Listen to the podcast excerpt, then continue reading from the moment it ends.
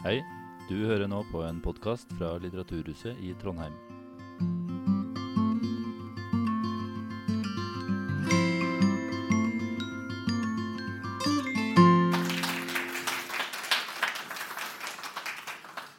Hei og velkommen til debatt i P2. Dagens tema er bioøkonomi. Mitt navn er Jan Markus Johannessen, og jeg er ordstyrer for denne debatten, som er et samarbeid mellom Litteraturhuset i Trondheim og Digitalt Liv. I 2016 kom regjeringen med Norges første bioøkonomistrategi. Der så de for seg en industri med et voldsomt potensial som kunne skape bærekraftige arbeidsplasser i stor skala. Samtidig kan bioøkonomi oppfattes som et moteord på lik linje med det grønne skiftet, ettersom bioøkonomi ikke har noen felles definisjon internasjonalt. Vi spør derfor hva er bioøkonomi, hvilke fordeler og feller må vi være bevisst på, og er det virkelig den nye oljen, eller er det bare fyll for politiske festtaler?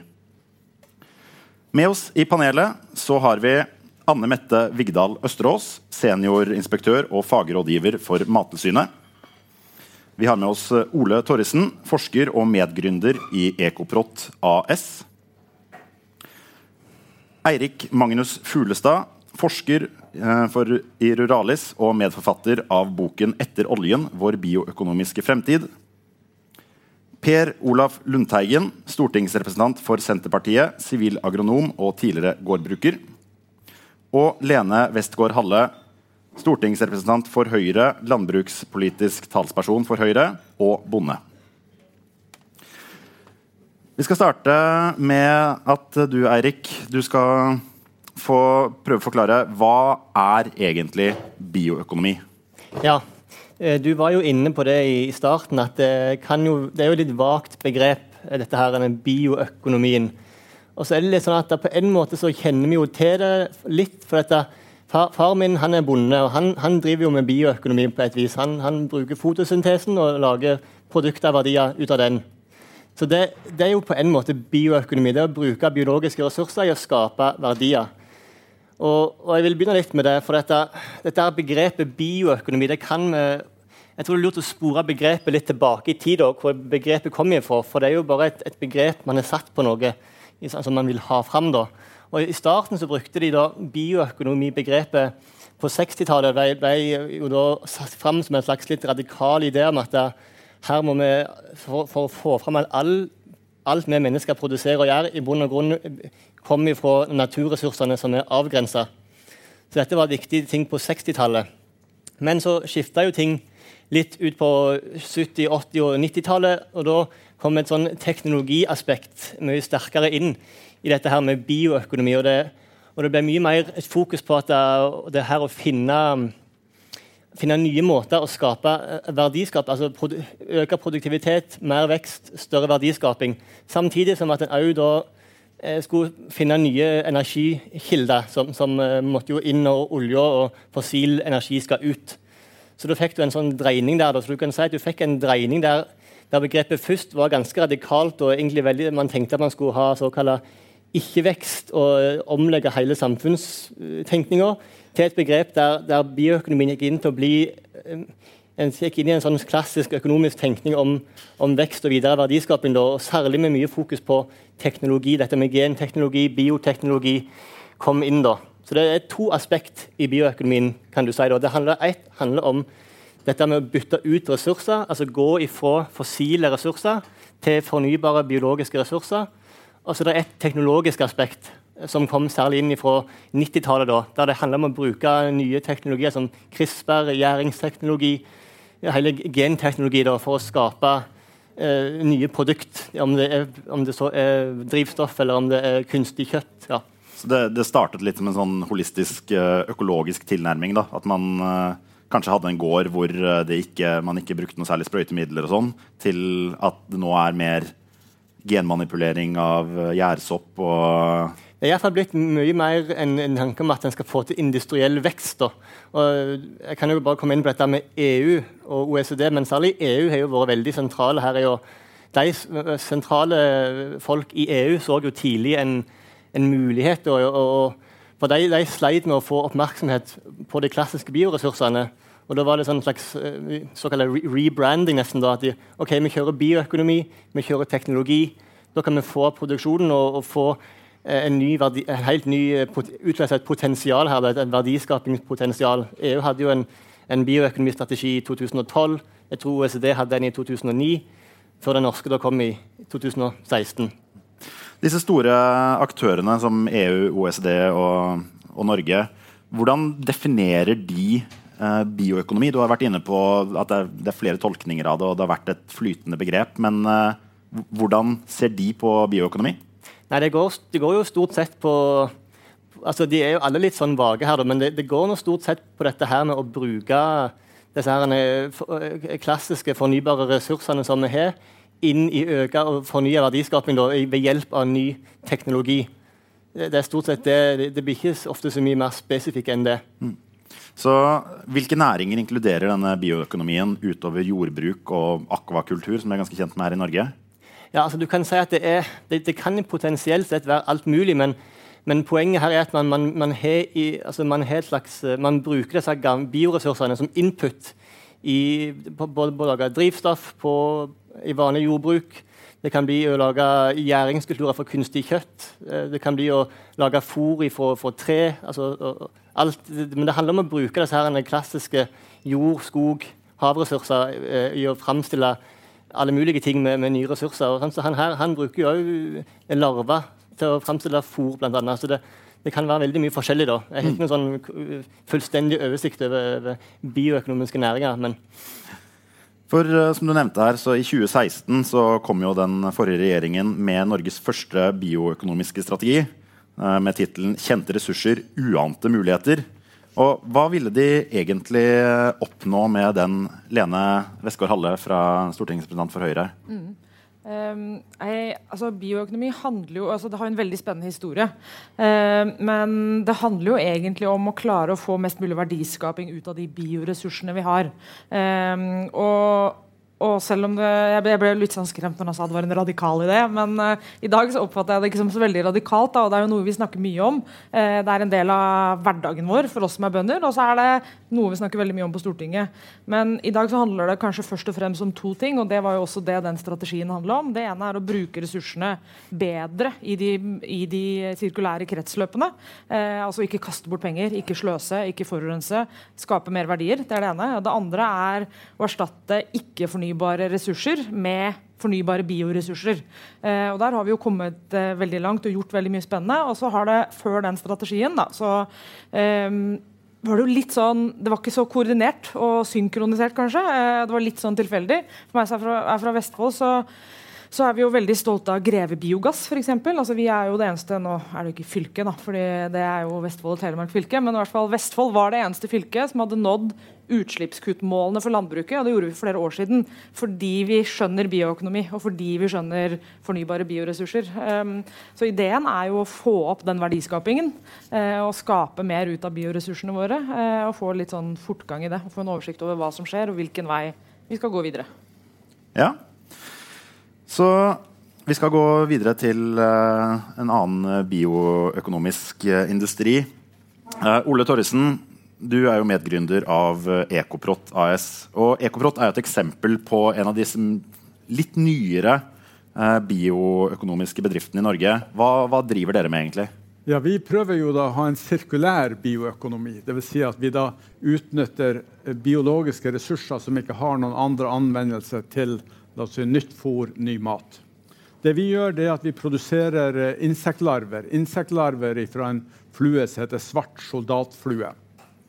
Og denne fluens naturlige føde det er møkk. Det er møkk ifra la oss si, ville dyr. Så den er skapt for å på en måte rense eh, ting som er bederva, og skape la oss si, gode og rene produkter av det. da.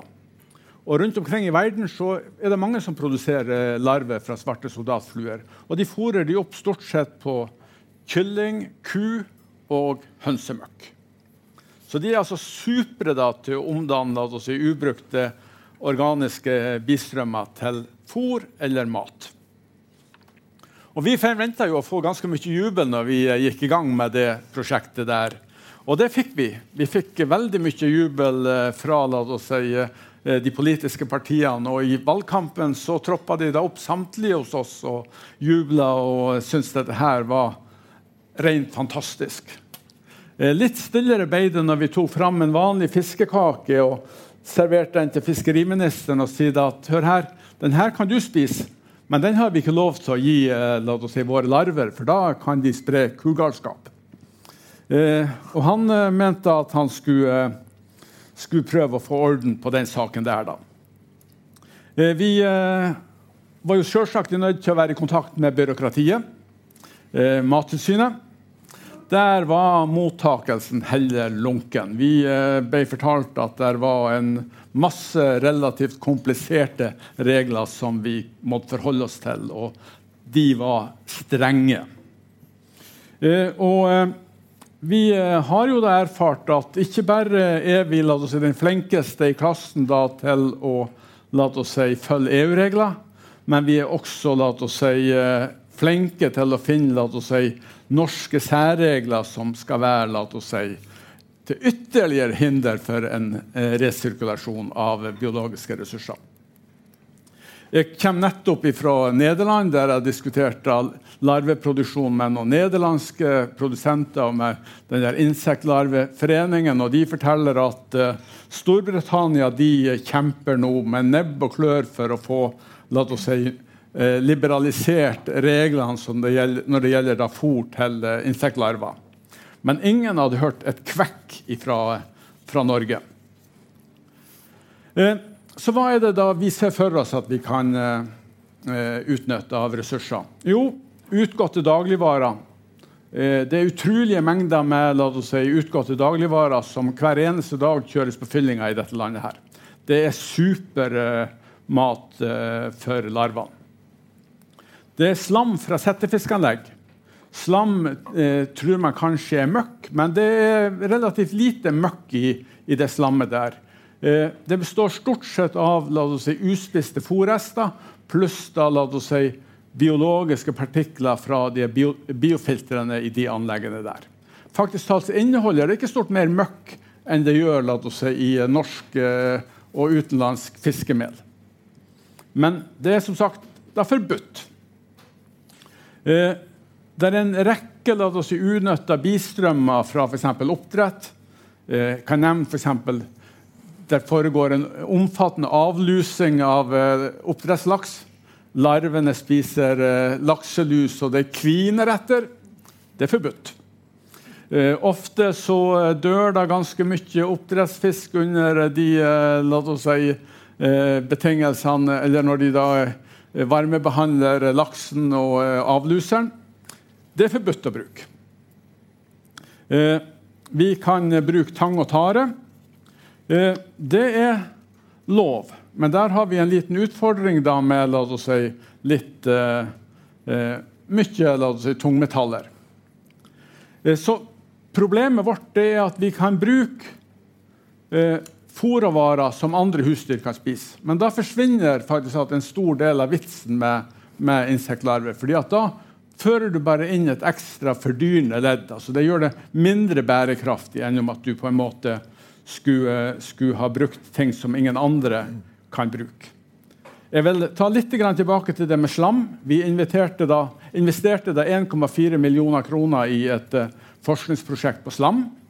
Vi finner ut at det høyere energiinnhold i slammet som går ut fra norske fiskeoppdrettsanlegg, enn det er i kommersielt kyllingfôr i Norge. Det slammet i dag det blir da tørka, og så blir det eksportert til Vietnam. Hva brukes det til eh, i Vietnam? Jeg tror de bruker det i hovedsak da, som gjødsel. Men eh, om de noen gir det til insektlarver, det har jo vi ingen kontroll med. Men det, det kan jo godt være det òg, da. Eh, vi søkte da om eh, tillatelse til å bruke det da, eh, i eh, Norge, da, og fikk da et klart nei fra Mattilsynet. Så prøvde jeg å provosere hva som var årsaken til det nei-et. da.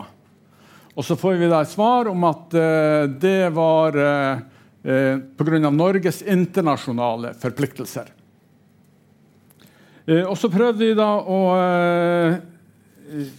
stille noen spørsmål da, gjennom, gjennom eh, politiske kanaler. Vi brukte eh, Siv Mossleth blant annet, til å stille spørsmål til fiskeriministeren. Eh, og hun fikk jo noen interessante svar. da. For der står det da at eh, med en gang man vet nok, så skal man foreta en risikovurdering. Og da lurer jeg på, da, som, som, som uh, setter da, og skal prøve å, å, finne løsninger på problemet, hvorfor kan de ikke da si hva vi skal finne, finne mer ut av? Altså, hva, det, hva, slags kunnskap er det som mangler for at vi skal få tatt en risikovurdering? Men det er det ingen som vil si oss. De sier bare at når vi har nok eh, kunnskap, så skal vi gjennomføre en risikovurdering.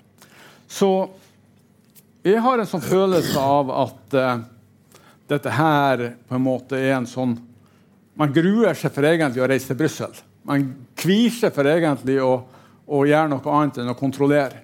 Det å åpne nye muligheter det er det faktisk alt relativt få som, som, eh, som eh, ser ut til å vel bruke tid og krefter på.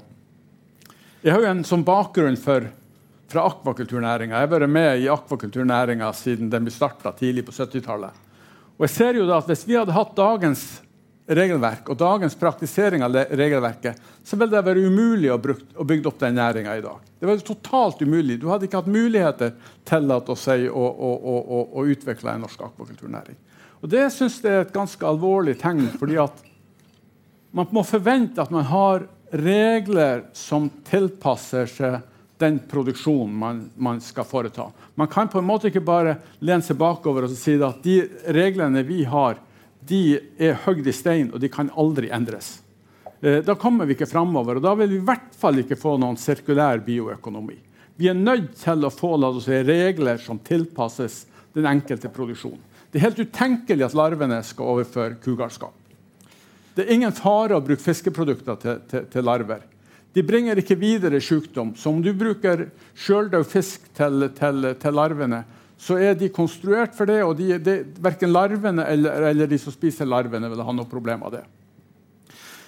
Du lytter til debatt i P2. Dagens tema er norsk bioøkonomi.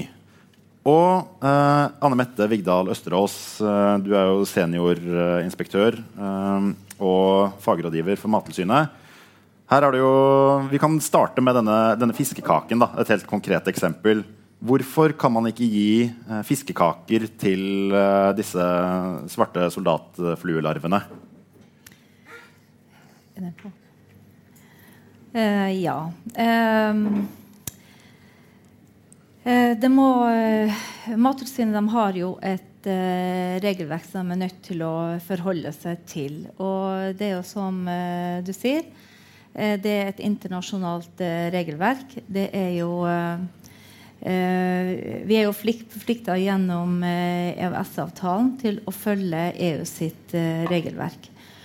Og da er det ikke sånn at vi i lille Norge bare kan eh, si at jo, du kan bare bruke denne fiskekaka til eh, de her insektene.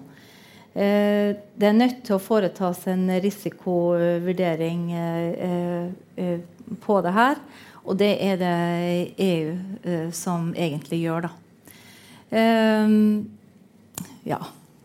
ja. For Mattilsynet har jo ansvar eh, for å sørge for at vi har trygg mat. Altså Maten vi spiser, er uh, rett og slett ikke farlig for oss og trygg. Hvilke regelverk er det Mattilsynet må forholde seg til? Du har nevnt dette, disse europeiske EU-regelverkene. Men det ble også nevnt noen, noen norske regelverk. Eh, nei, Det meste er jo uh, av det regelverket vi har, det er jo EU-basert. Det er lite eh, nasjonale regelverk vi har. da. Men når det gjelder det med, med fôr, så er det veldig strenge regler for å kunne produsere det. Eh, og eh, veldig mye av det her det handler jo om smitte. Det å, å sikre at det ikke ikke eh, bidrar smitte fra, fra, dyr og til eh, maten og til mennesket og til miljø. Og, eh, derfor så er det veldig strenge regler på det som går med fôr, også til insekter. De skal være akkurat de samme strenge kravene til fôr til insekter som det er til andre produksjonsdyr. Og eh, det regelverket som vi har, da, du har jo matlovsforskriften som tar opp det med at mat og fôr skal være trygt. Vi har jo et svært biproduktregelverk. Som eh, det er jo sikkert du er veldig godt eh, kjent med. Du, som du er nødt til å forholde deg til i forhold til når du skal produsere fôr. Og det eh, regelverket der det har jo som hensikt å redusere risikoen for smitte inn i matkjeden. I tillegg så har vi det med regelverket for fòrvarer, som går på hygiene, sporbarhet, registrering og godkjenning av eh, virksomheter. Så har vi et veldig viktig regelverk som, på, som heter TSC-regelverket. Det skal jeg ikke si eh, navnet på, for det er veldig langt omfattende. Men eh, det eh, har jo eh, i seg at det er forbud mot fôring med animalske, animalske, proteiner som skal forhindre sykdom, som bl.a. kugalskap, som var nevnt. Du har skrantesyke på hjort, og du har skrapesyke på sau. Og I tillegg så er det det med ny mat-regelverket. og det er jo eh, produkter som ikke har vært på markedet i EU eller et EØS-land for 15. mai 1997. De, er nødt til å godkjennes. Og, eh, og når det gjelder eh, virksomhetene da, som produserer eh, insektmel og fôrblandinger med insektmel, så må de være godkjent og listeført eh, hos Mattilsynet i henhold til det her TSC-regelverket. Og hvis ikke eh, hvis ikke vi har gode risikovurderinger, og vi ikke gjør eh, det som skal til for å sikre det her med trygg mat, og at eh, fôret er trygt, så kan det få uante konsekvenser eh, for, eh, for, oss. Og det har vi jo hatt eh, eksempler på opp igjennom da, som har visst det. Derfor så er det veldig mye sånn eh, føre var-prinsippet. da, eh, at hvis du ikke vet nok om en ting, da eh, må, må, eh, må, du ta hensyn til det. Og da er det ikke bare å, å si at du kan gi den fiskekaka til de eh, insektene. Det er jo et stort potensial her uh, for denne Ekoprot-bedriften å gjenbruke sirkulær næring fra disse fiskemerdene. Men hva er det som skal til for at en sånn ny industri eller en ny mattype skal godkjennes? Mm. Altså generelt altså, så må regelverket endres for at nye næringskjeder skal kunne tas i bruk. Og eh, eh, matindustri som ønsker å utnytte tilgjengelige ressurser på en ny måte, de må risikovurdere det her. da. Eh, eh, Mattilsynet også er jo opptatt av at det skal satses på alternativ bærekraftige fòrressurser. Og vi skal jo også være med på å bidra at industrien og andre kan uh, utvikle seg. Men uh, vi er nødt til å forholde oss til de rammene som er i regelverket. da. Og det er jo, som du var inne på her nå i sted, Torrisen, at uh, fôr til insekter det, uh, det, kan ikke inneholde det, eller Fôr til insekter kan bare inneholde vegetabilske produkter. Men så kan det også inneholde noen få animalske produkter, bl.a. fiskemel. Og Der er det jo inkludert mer fra rekeskall og egg og melkeprodukter og honning. Men det er totalt forbudt å bruke eh, avføring, urin, mage og tarminnhold, kjøkken og matavfall og næringsmidler som inneholder kjøtt eller fisk eh, i fôr. Men i dag så foregår det jo veldig mye forskning på, eh, på alternative kilder til fôr. Og eh, ny kunnskap og forskning kan jo være med eh, til å gi dette grunnlaget for å endre regelverket. Og det kan ta tid å eh, skaffe denne kunnskapen, og også midler. Og her er det jo helt uh, klart at kanskje politikerne kommer inn her med Hvis det skal bevilges penger f.eks. til å utnytte andre ressurser til, til fôr og andre interessenter som også eh, kan være eh, å bistå her. da. Men eh, det er nødt til å være en eh, risikovurdering som ligger til grunn for at regelverket skal kunne, kunne endres. Og eh, Når du snakker om det med fiskeslam, så er det gjort en risikovurdering av EFSA i 2015. Og denne Vurderinga lå også til grunn for oppdrett av insekter som ble tillatt i 2017. Men pga. manglende kunnskap så kunne ikke EFSA konkludere at gjødsel eh, var trygt å bruke som eh, fôr til insekter. Da. Og eh, blant annet så var det risiko for patogene bakterier, virus, kjemikalier, allergener og andre miljøpåvirkninger. Og eh, så har du det med ny mat, da, som jeg var litt inne på i sted. da. Eh, du har jo bl.a. det med sjøpølse og trøffeltang. Det er jo veldig i tida nå. da. Og eh, det, her er jo arter som eh, kan være ny mat. Og for at eh, den skal bli godkjent, så må EU-kommisjonen den, foreta den vurderinga, og de må inkluderes på, i en unionsliste, da, Novel Food-katalogen, før det kan omsettes i EU-EØS. da. Ja, uh, Ole Torrisen, medgründer i Ekebrott. uh, det høres ut som du kanskje må smøre deg med en del tålmodighet for dette her uh, godkjennes?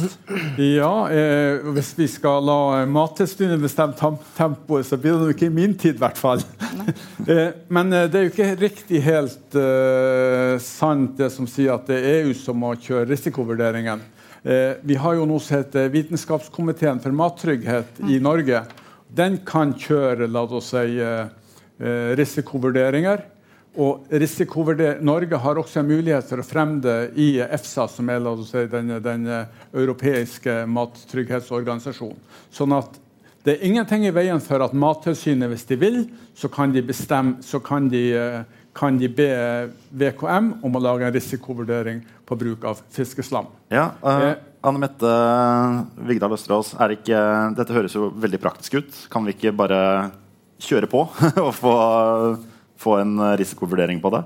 Uh, ja, det kan vi jo selvfølgelig helt sikkert gjøre.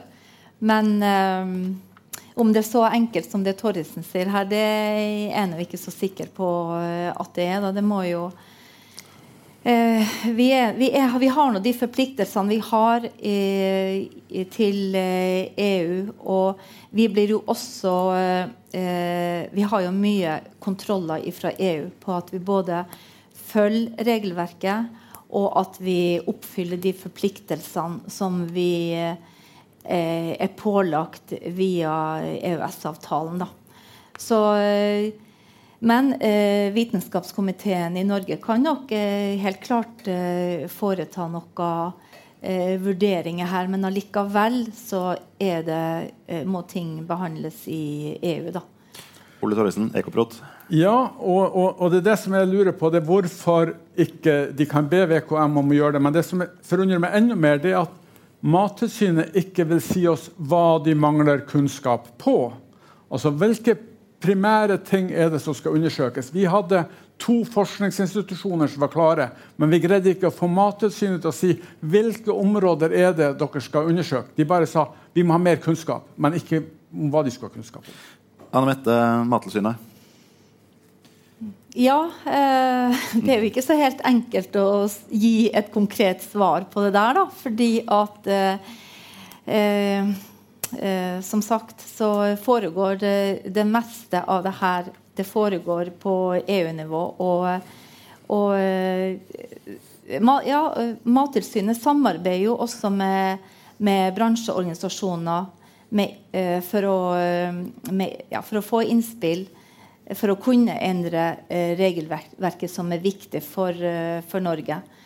Og eh, det er jo ikke sånn at ikke Mattilsynet tar opp ting i, i, EU når de sitter i Brussel.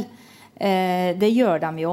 Men det er vanskelig å få ting på dagsordenen der, og spesielt det som omhandler fisk. Fordi det er ikke alle land som har like store interesser som Norge i fiskeri og oppdrett. Og eh, det er ikke heller bare for uh, Norge å uh, ta et risikonivå og sette det nasjonalt. Det, det, det, det kan vi ikke gjøre. Det må eh, Vi er veldig avhengig av EU for å kunne endre eh, regelverket. Eh, per Olaf Lundteigen, nå er det jo en fem år siden den forrige regjeringen kom med sin eh, bioøkonomistrategi. Men hvilke planer er det den sittende regjeringen har for eh, bioøkonomi i Norge? Hva er veien videre politisk der? Ja, Det tror jeg ikke er definert ordentlig enda. Men det første bud vi, i all diskusjon er jo at vi definerer hva vi snakker om. Motsetningen til bioøkonomi for å si det enkelt, det er jo oljeøkonomi. Vi snakker altså om biologiske ressurser som er et resultat av fotosyntesen. Enten fotosyntesen til havs eller fotosyntesen til lands. Hadde Norge og verden vært basert på bioøkonomi, så hadde vi ikke hatt noen klimakrise. Vi hadde ikke hatt noen klimakrise hvis vi hadde vært basert på en bioøkonomi, for da hadde vi levd av det som naturen skaper, gjennom fotosyntesen. Det er helt riktig det som er sagt, at uh, bioøkonomi var noe som var veldig sentralt på 70-tallet. Da het det ressursøkonomi. Jeg er utdanna i det faget. Eh, det var det som danna grunnlaget for den grønne bølgen. Eh, det var et resultat av oljekrise og matvarekrisen internasjonalt. Da ble eh, studenter på universiteter og høyskoler utdanna i ressursøkonomi, i bioøkonomi. Åssen vi altså skulle greie å få lønnsomhet innafor vårt økonomiske system på å produsere og foredle biologiske ressurser. For å si det her helt praktisk så kan du si at det vi snakker om, det er tre ting. Det er torsk, det er tømmer, og det er timotei. Torsk, tømmer og timotei. Så er det sånn at de naturressursene som vi får gjennom biologisk produksjon, der får vi også avfall ulike former for avfall. Og det er det som blir her diskutert. Avfall som da skal være mat for organismer. Og vi skal produsere de organismene da for at det i neste omgang skal være mat for høyerestående organismer, altså enten dyr som menneskene kan spise, eller direkte som mat til menneskene. Det at vi har et mattilsyn, det er veldig viktig. For det, det vi snakker om i siste omgang her, er noe som vi tar inn i munnen vår. Det kommer inn i munnen. Og det mesteparten av det som vi tar inn, det kommer ut igjen. Men ikke alt. Og vi har en situasjon i dag hvor det er så mange lumske sykdommer som vi ikke har oversikt over årsaksforholdene til. Og det å være føre var på hva vi tar inn i munnen vår, det er i hvert fall Senterpartiets linje. At det her må vi være forsiktige.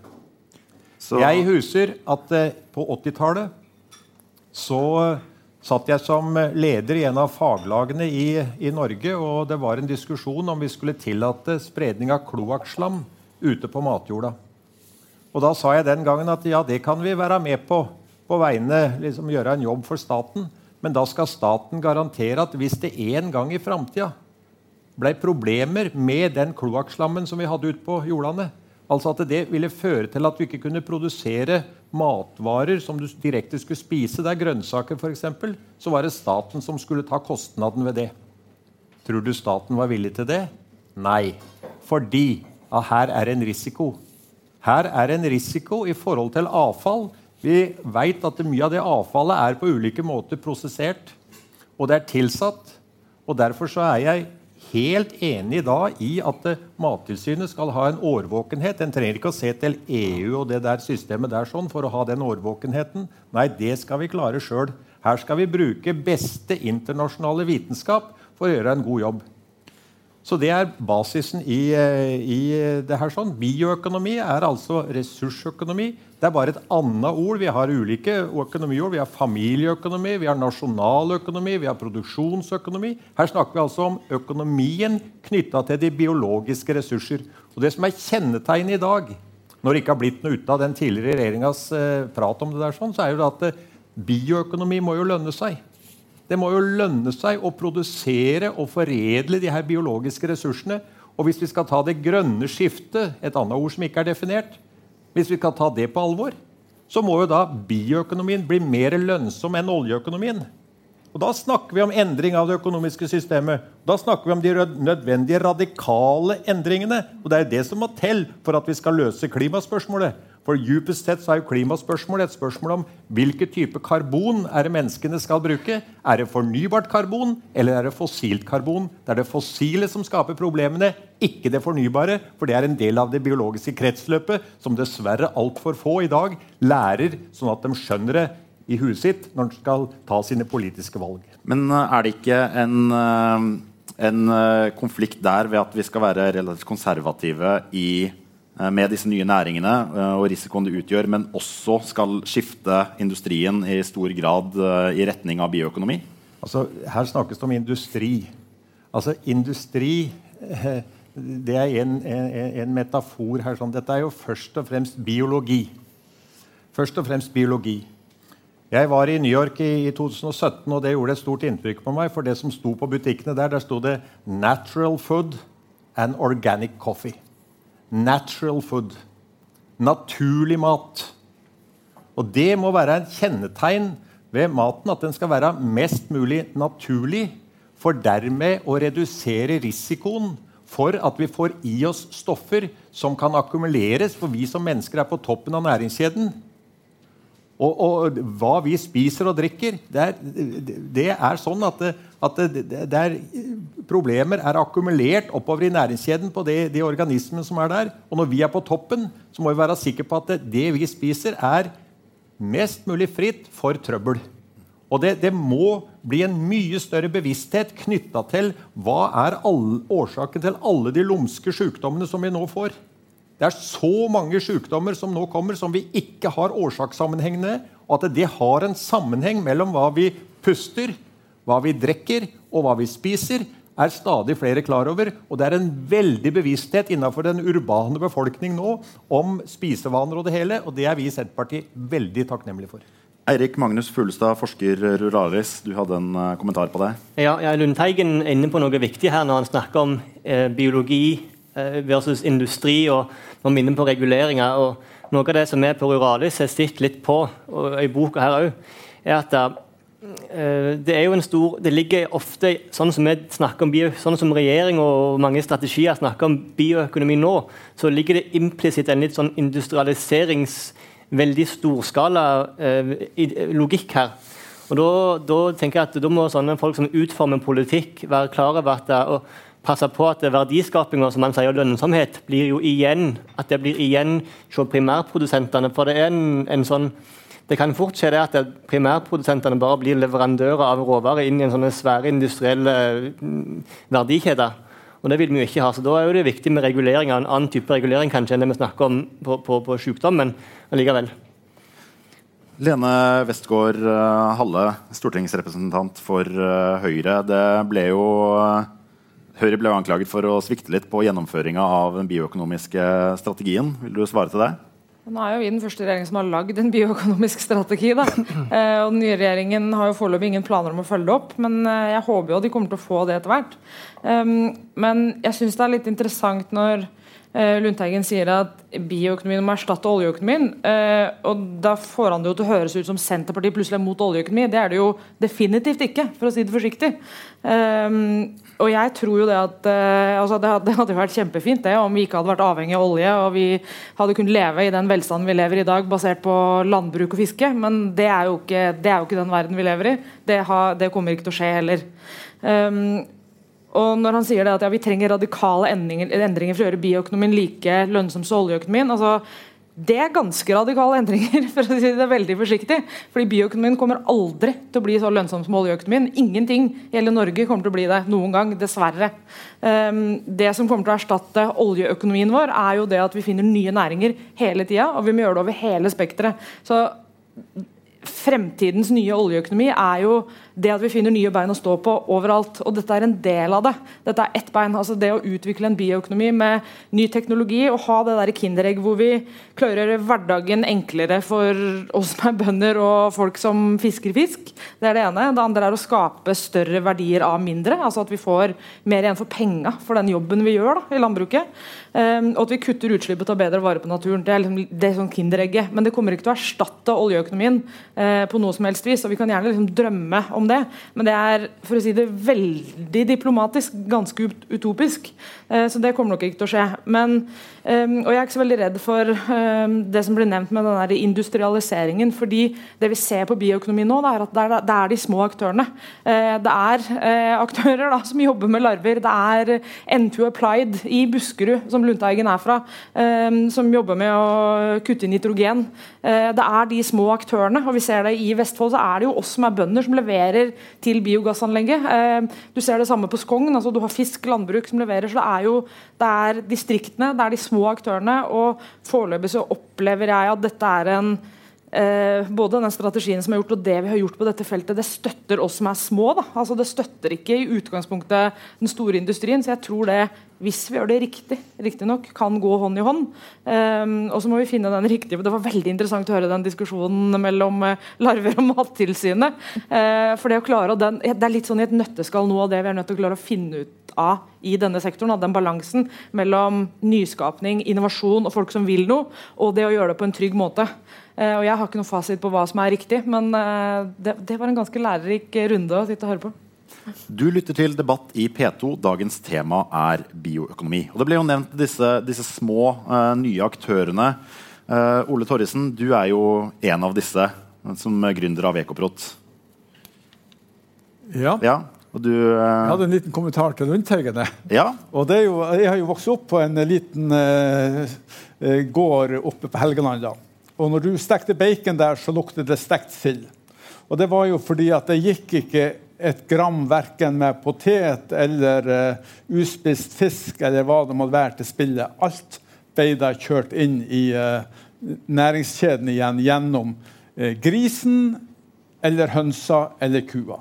Det var ikke et gram med si, mat som gikk til spillet. Og det er litt den filosofien vi vi jobber ut ifra. At man skal kunne på en måte greie, greie, å sirkulere den maten man allerede har produsert. Så om den ikke kan spises direkte, så kan den i hvert fall eh, produseres til fôr. Og det dumpes da rundt 400 000 tonn med la oss si, mat i dette landet her i dag. Og mye av det havner på fyllinga. Per Olaf Lundteigen, stortingsrepresentant for uh, Senterpartiet. Du ville ha et uh, komme med en kommentar til uh, ja. Lene?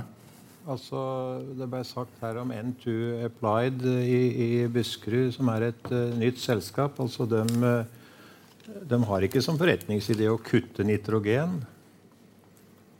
Altså, det er viktig at vi diskuterer dette her på et skikkelig faglig grunnlag. Poenget med, med det selskapet er at den nitrogena som er i husdyrmøkk, ikke går opp i lufta, men forblir i jorda, sånn at det dermed har en helt mye større gjødselevne.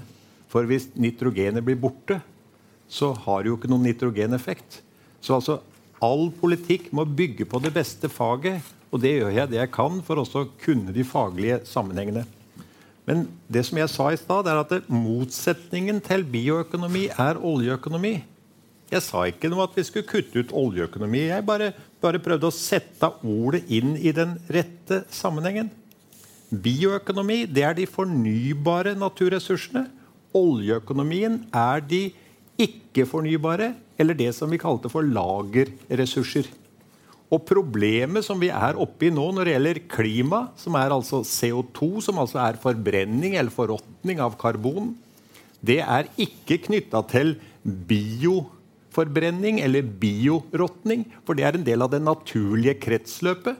Det er knytta til olje, karbo, nei, fossilt karbon, som så ved forbrenning skaper en ekstra mengde CO2 i atmosfæren.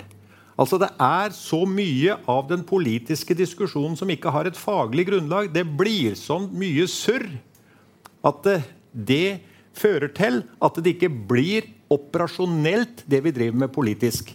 Og til Tørrisen, altså, Jeg er jo helt enig med deg at vi skal bruke ressursene. Og det, jeg, har ikke, jeg, har ikke, sagt verken det ene eller andre jeg, om, om, om uh, ditt poeng. Jeg har bare sagt det at det, det vi her snakker om, er ulike former for produksjon av biologiske ressurser. Og i denne sammenheng så skal det være mat. Enten til dyra eller til menneskene. Og hvis maten blir spist av dyra, som så skal spise som menneskene så i neste omgang skal spise, så er det så viktig at det vi spiser, er sånn at det gir en god helse. Og her har vi Mattilsynet som noe av det viktigste for å påse det. og Derfor så har Mattilsynet, hvis de bruker beste vitenskap internasjonalt i sitt arbeid, Senterpartiets fulle støtte. Eirik Magnus Fullestad, du har jo skrevet eh, eller medforfattet boken 'Etter oljen vår bioøkonomiske framtid', og også skrevet eh, innlegg og meningslegg i eh, aviser der du ser for deg at en nyutvikling av bioteknologi og bioøkonomi kan true de tradisjonelle næringene. Tror du det er en reell fare som de tradisjonelle næringene som akvakultur og gårdsbruk står overfor, som kan komme litt eh, inn fra sidelinja uten at folk forutser det? Det var jo det som jeg var litt inne på, men, men samtidig så er det jo litt sånn science fiction òg, ennå akkurat det der. Men vi har jo sett at det, internasjonalt så er det der med kunstig proteinutvikling, lage kunstig kjøtt, kunstig melk, kunstig, kunstig alle matprodukter, blir stadig billigere og lettere å få til. Og, og, Da har du en fare i at, at, du bytter ut, at du kan ende opp med å bytte ut fotosyntesen med, med, med kunstig produsert eh, stoff. Da. At bioteknologien faktisk, bio, at bioøkonomien faktisk ikke blir, blir om eh, fotosyntesen, men at det blir en høyteknologisk storskala industriprosess som, som da eh, stor, stor, kapital styrer. Da. Men dette her er jo litt sånn science fiction og litt sånn worst case scenario. Og som du her blir sagt, I Norge så er vi jo langt ifra der, men vi har gode regler. og Det er jo da viktig at vi, det er jo selvfølgelig viktig at vi da får fram små, lokale eh, bedrifter som, som holder verdiskapinga lokalt. Men det er jo en vanskelig balansegang der. da. Men det gjelder å være oppmerksom på det. og og det finnes også noe som snakker om det er jo mange begrep her, men vi kan snakke om istedenfor bioøkonomi, så kan vi si økoøkonomi. Og da er det mange som mener at en økoøkonomi i mye større grad enn bioøkonomien skal konkret, altså eksplisitt ta hensyn til lokale eh, forhold, lokal kultur, historie, produksjonsforhold. Uh, om Det er en bedre måte å snakke om det på, men det blir jo bare begrep her. Poenget er jo som Lundteigen har sagt, og som alle sier, at vi skal gå over fra lagerressurser til fornybare ressurser da, på en på en sosialt bærekraftig måte. Mm. Per Olaf Lundteigen, Senterpartiet. Ja, altså Kunstig mat kontra naturlig mat. Det er et begrepspar som vi kan diskutere her. For ikke så mange år siden så var det et svært prosjekt på Nordvestlandet i Møre og Romsdal om eh, produksjon av eh, protein fra bakterier. Bakterier som skulle få sin energikilde ifra gass. Det gikk inn i et svært snilehus. Gassen kom inn i en del av snilehuset, og så kom det da ut en stor mengde med bakterier i den andre delen. Og de bakteriene ble drept, og så ble de da prosessert. Og det skapte da en proteinproduksjon. Jeg veit ikke åssen det har gått med det, jeg har ikke hørt noe mer om det. Men det er antagelig en del mennesker som er naturlig litt tilbakeholdne med at vi skal produsere proteinet eh, på en sånn industriell måte. Alternativet til å produsere proteinet på den måten er jo da å forvalte havene våre sånn at de i større grad blir satt i stand til en, en uendelig produksjon av protein der. At det på hele det norske landarealet at vi produserer proteiner gjennom da den fotosyntesen som da skjer i ettårige eller flerårige planter eller, eller trær. Vi har jo enorme muligheter. Altså, Det er sånn fokus i Norge for de her veldig nisjeprega sakene. Mens hvis den går i skauen 30% av norske areal er skau. Hvis du går på, på fjellet, hvis du går på reiser til Nord-Norge og ser de enorme områdene der som ikke er i bruk, områder som kan produseres protein på, som kan produseres mat til folk og dyr på et enormt omfang. Men det er riktig som blir sagt her sånn, det er jo mye dyrere å produsere karbon og mat på, på de fornybare naturressursene enn det er på de fossile. For de fossile det er jo ren høsting. Mens det å produsere på basis av det, det, det fornybare, det innebærer jo en kultivering, i hvert fall på land. Det innebærer en skjøtsel som må være finstemt, sånn at det skal vare til evigheten. Altså, Her må vi få en grunnleggende kunnskap, og jeg appellerer til norske utdanningssystemet, universiteter og høyskoler at dette her må på plass, så at vi kan greie oss å få det faglige grunnlaget i orden. Så at vi på basis av det faglige grunnlaget kan gå inn på da, hva er de økonomiske virkemidlene. Det er jo helt opplagt at det, det vi her snakker om, det er altså noe som er klimavennlig. Og Da må jo markedsøkonomien korrigeres, styres, sånn at den klimavennlige produksjonen blir lønnsom. Det er jo kjernen i vår, vår, eh, vår, blandingsøkonomi. Nemlig at vi styrer der sånn. Men da snakker vi om et storting som tør å ta de grepene, hvis den mener noe med at den skal gjøre noe med klimamålene. Lene Westgård Halle, stortingsrepresentant for Høyre. Ja. Jeg er veldig enig i at uh, fornybart er viktig. Og jeg er nok ikke helt enig med Lundteigen i at vi trenger en revolusjon av, av, utdanningssystemet vårt for å få ungdommen til å skjønne det. Altså Ungdommen marsjerer i gatene. De har skjønt dette for lenge siden. Det er vi som er fra min alder og oppover ikke på resten av panelet, som ikke har skjønt det. Um, så Dagens ungdom er jo på ballen. De skjønner at fornybart er viktig. Uh, de korrigerer oss eh, som er eldre, daglig. Jeg har ikke tall på hvor mange ganske gode mail jeg får av veldig veldig unge folk som er mange år til de som skal stemme, som skjønner disse sammenhengene på en god måte. De skjønner natur, de skjønner klima, og de skjønner at dette henger veldig godt sammen. Um, så jeg tror jo det er vi som sitter på Stortinget som trenger en runde på utdannelse. Altså kan jo mansplaneren ved siden av her sikkert uh, ta en runde på mange på Stortinget på det. Um, men, men, jeg tror den, den forståelsen av at fornybart er viktig, den har vi.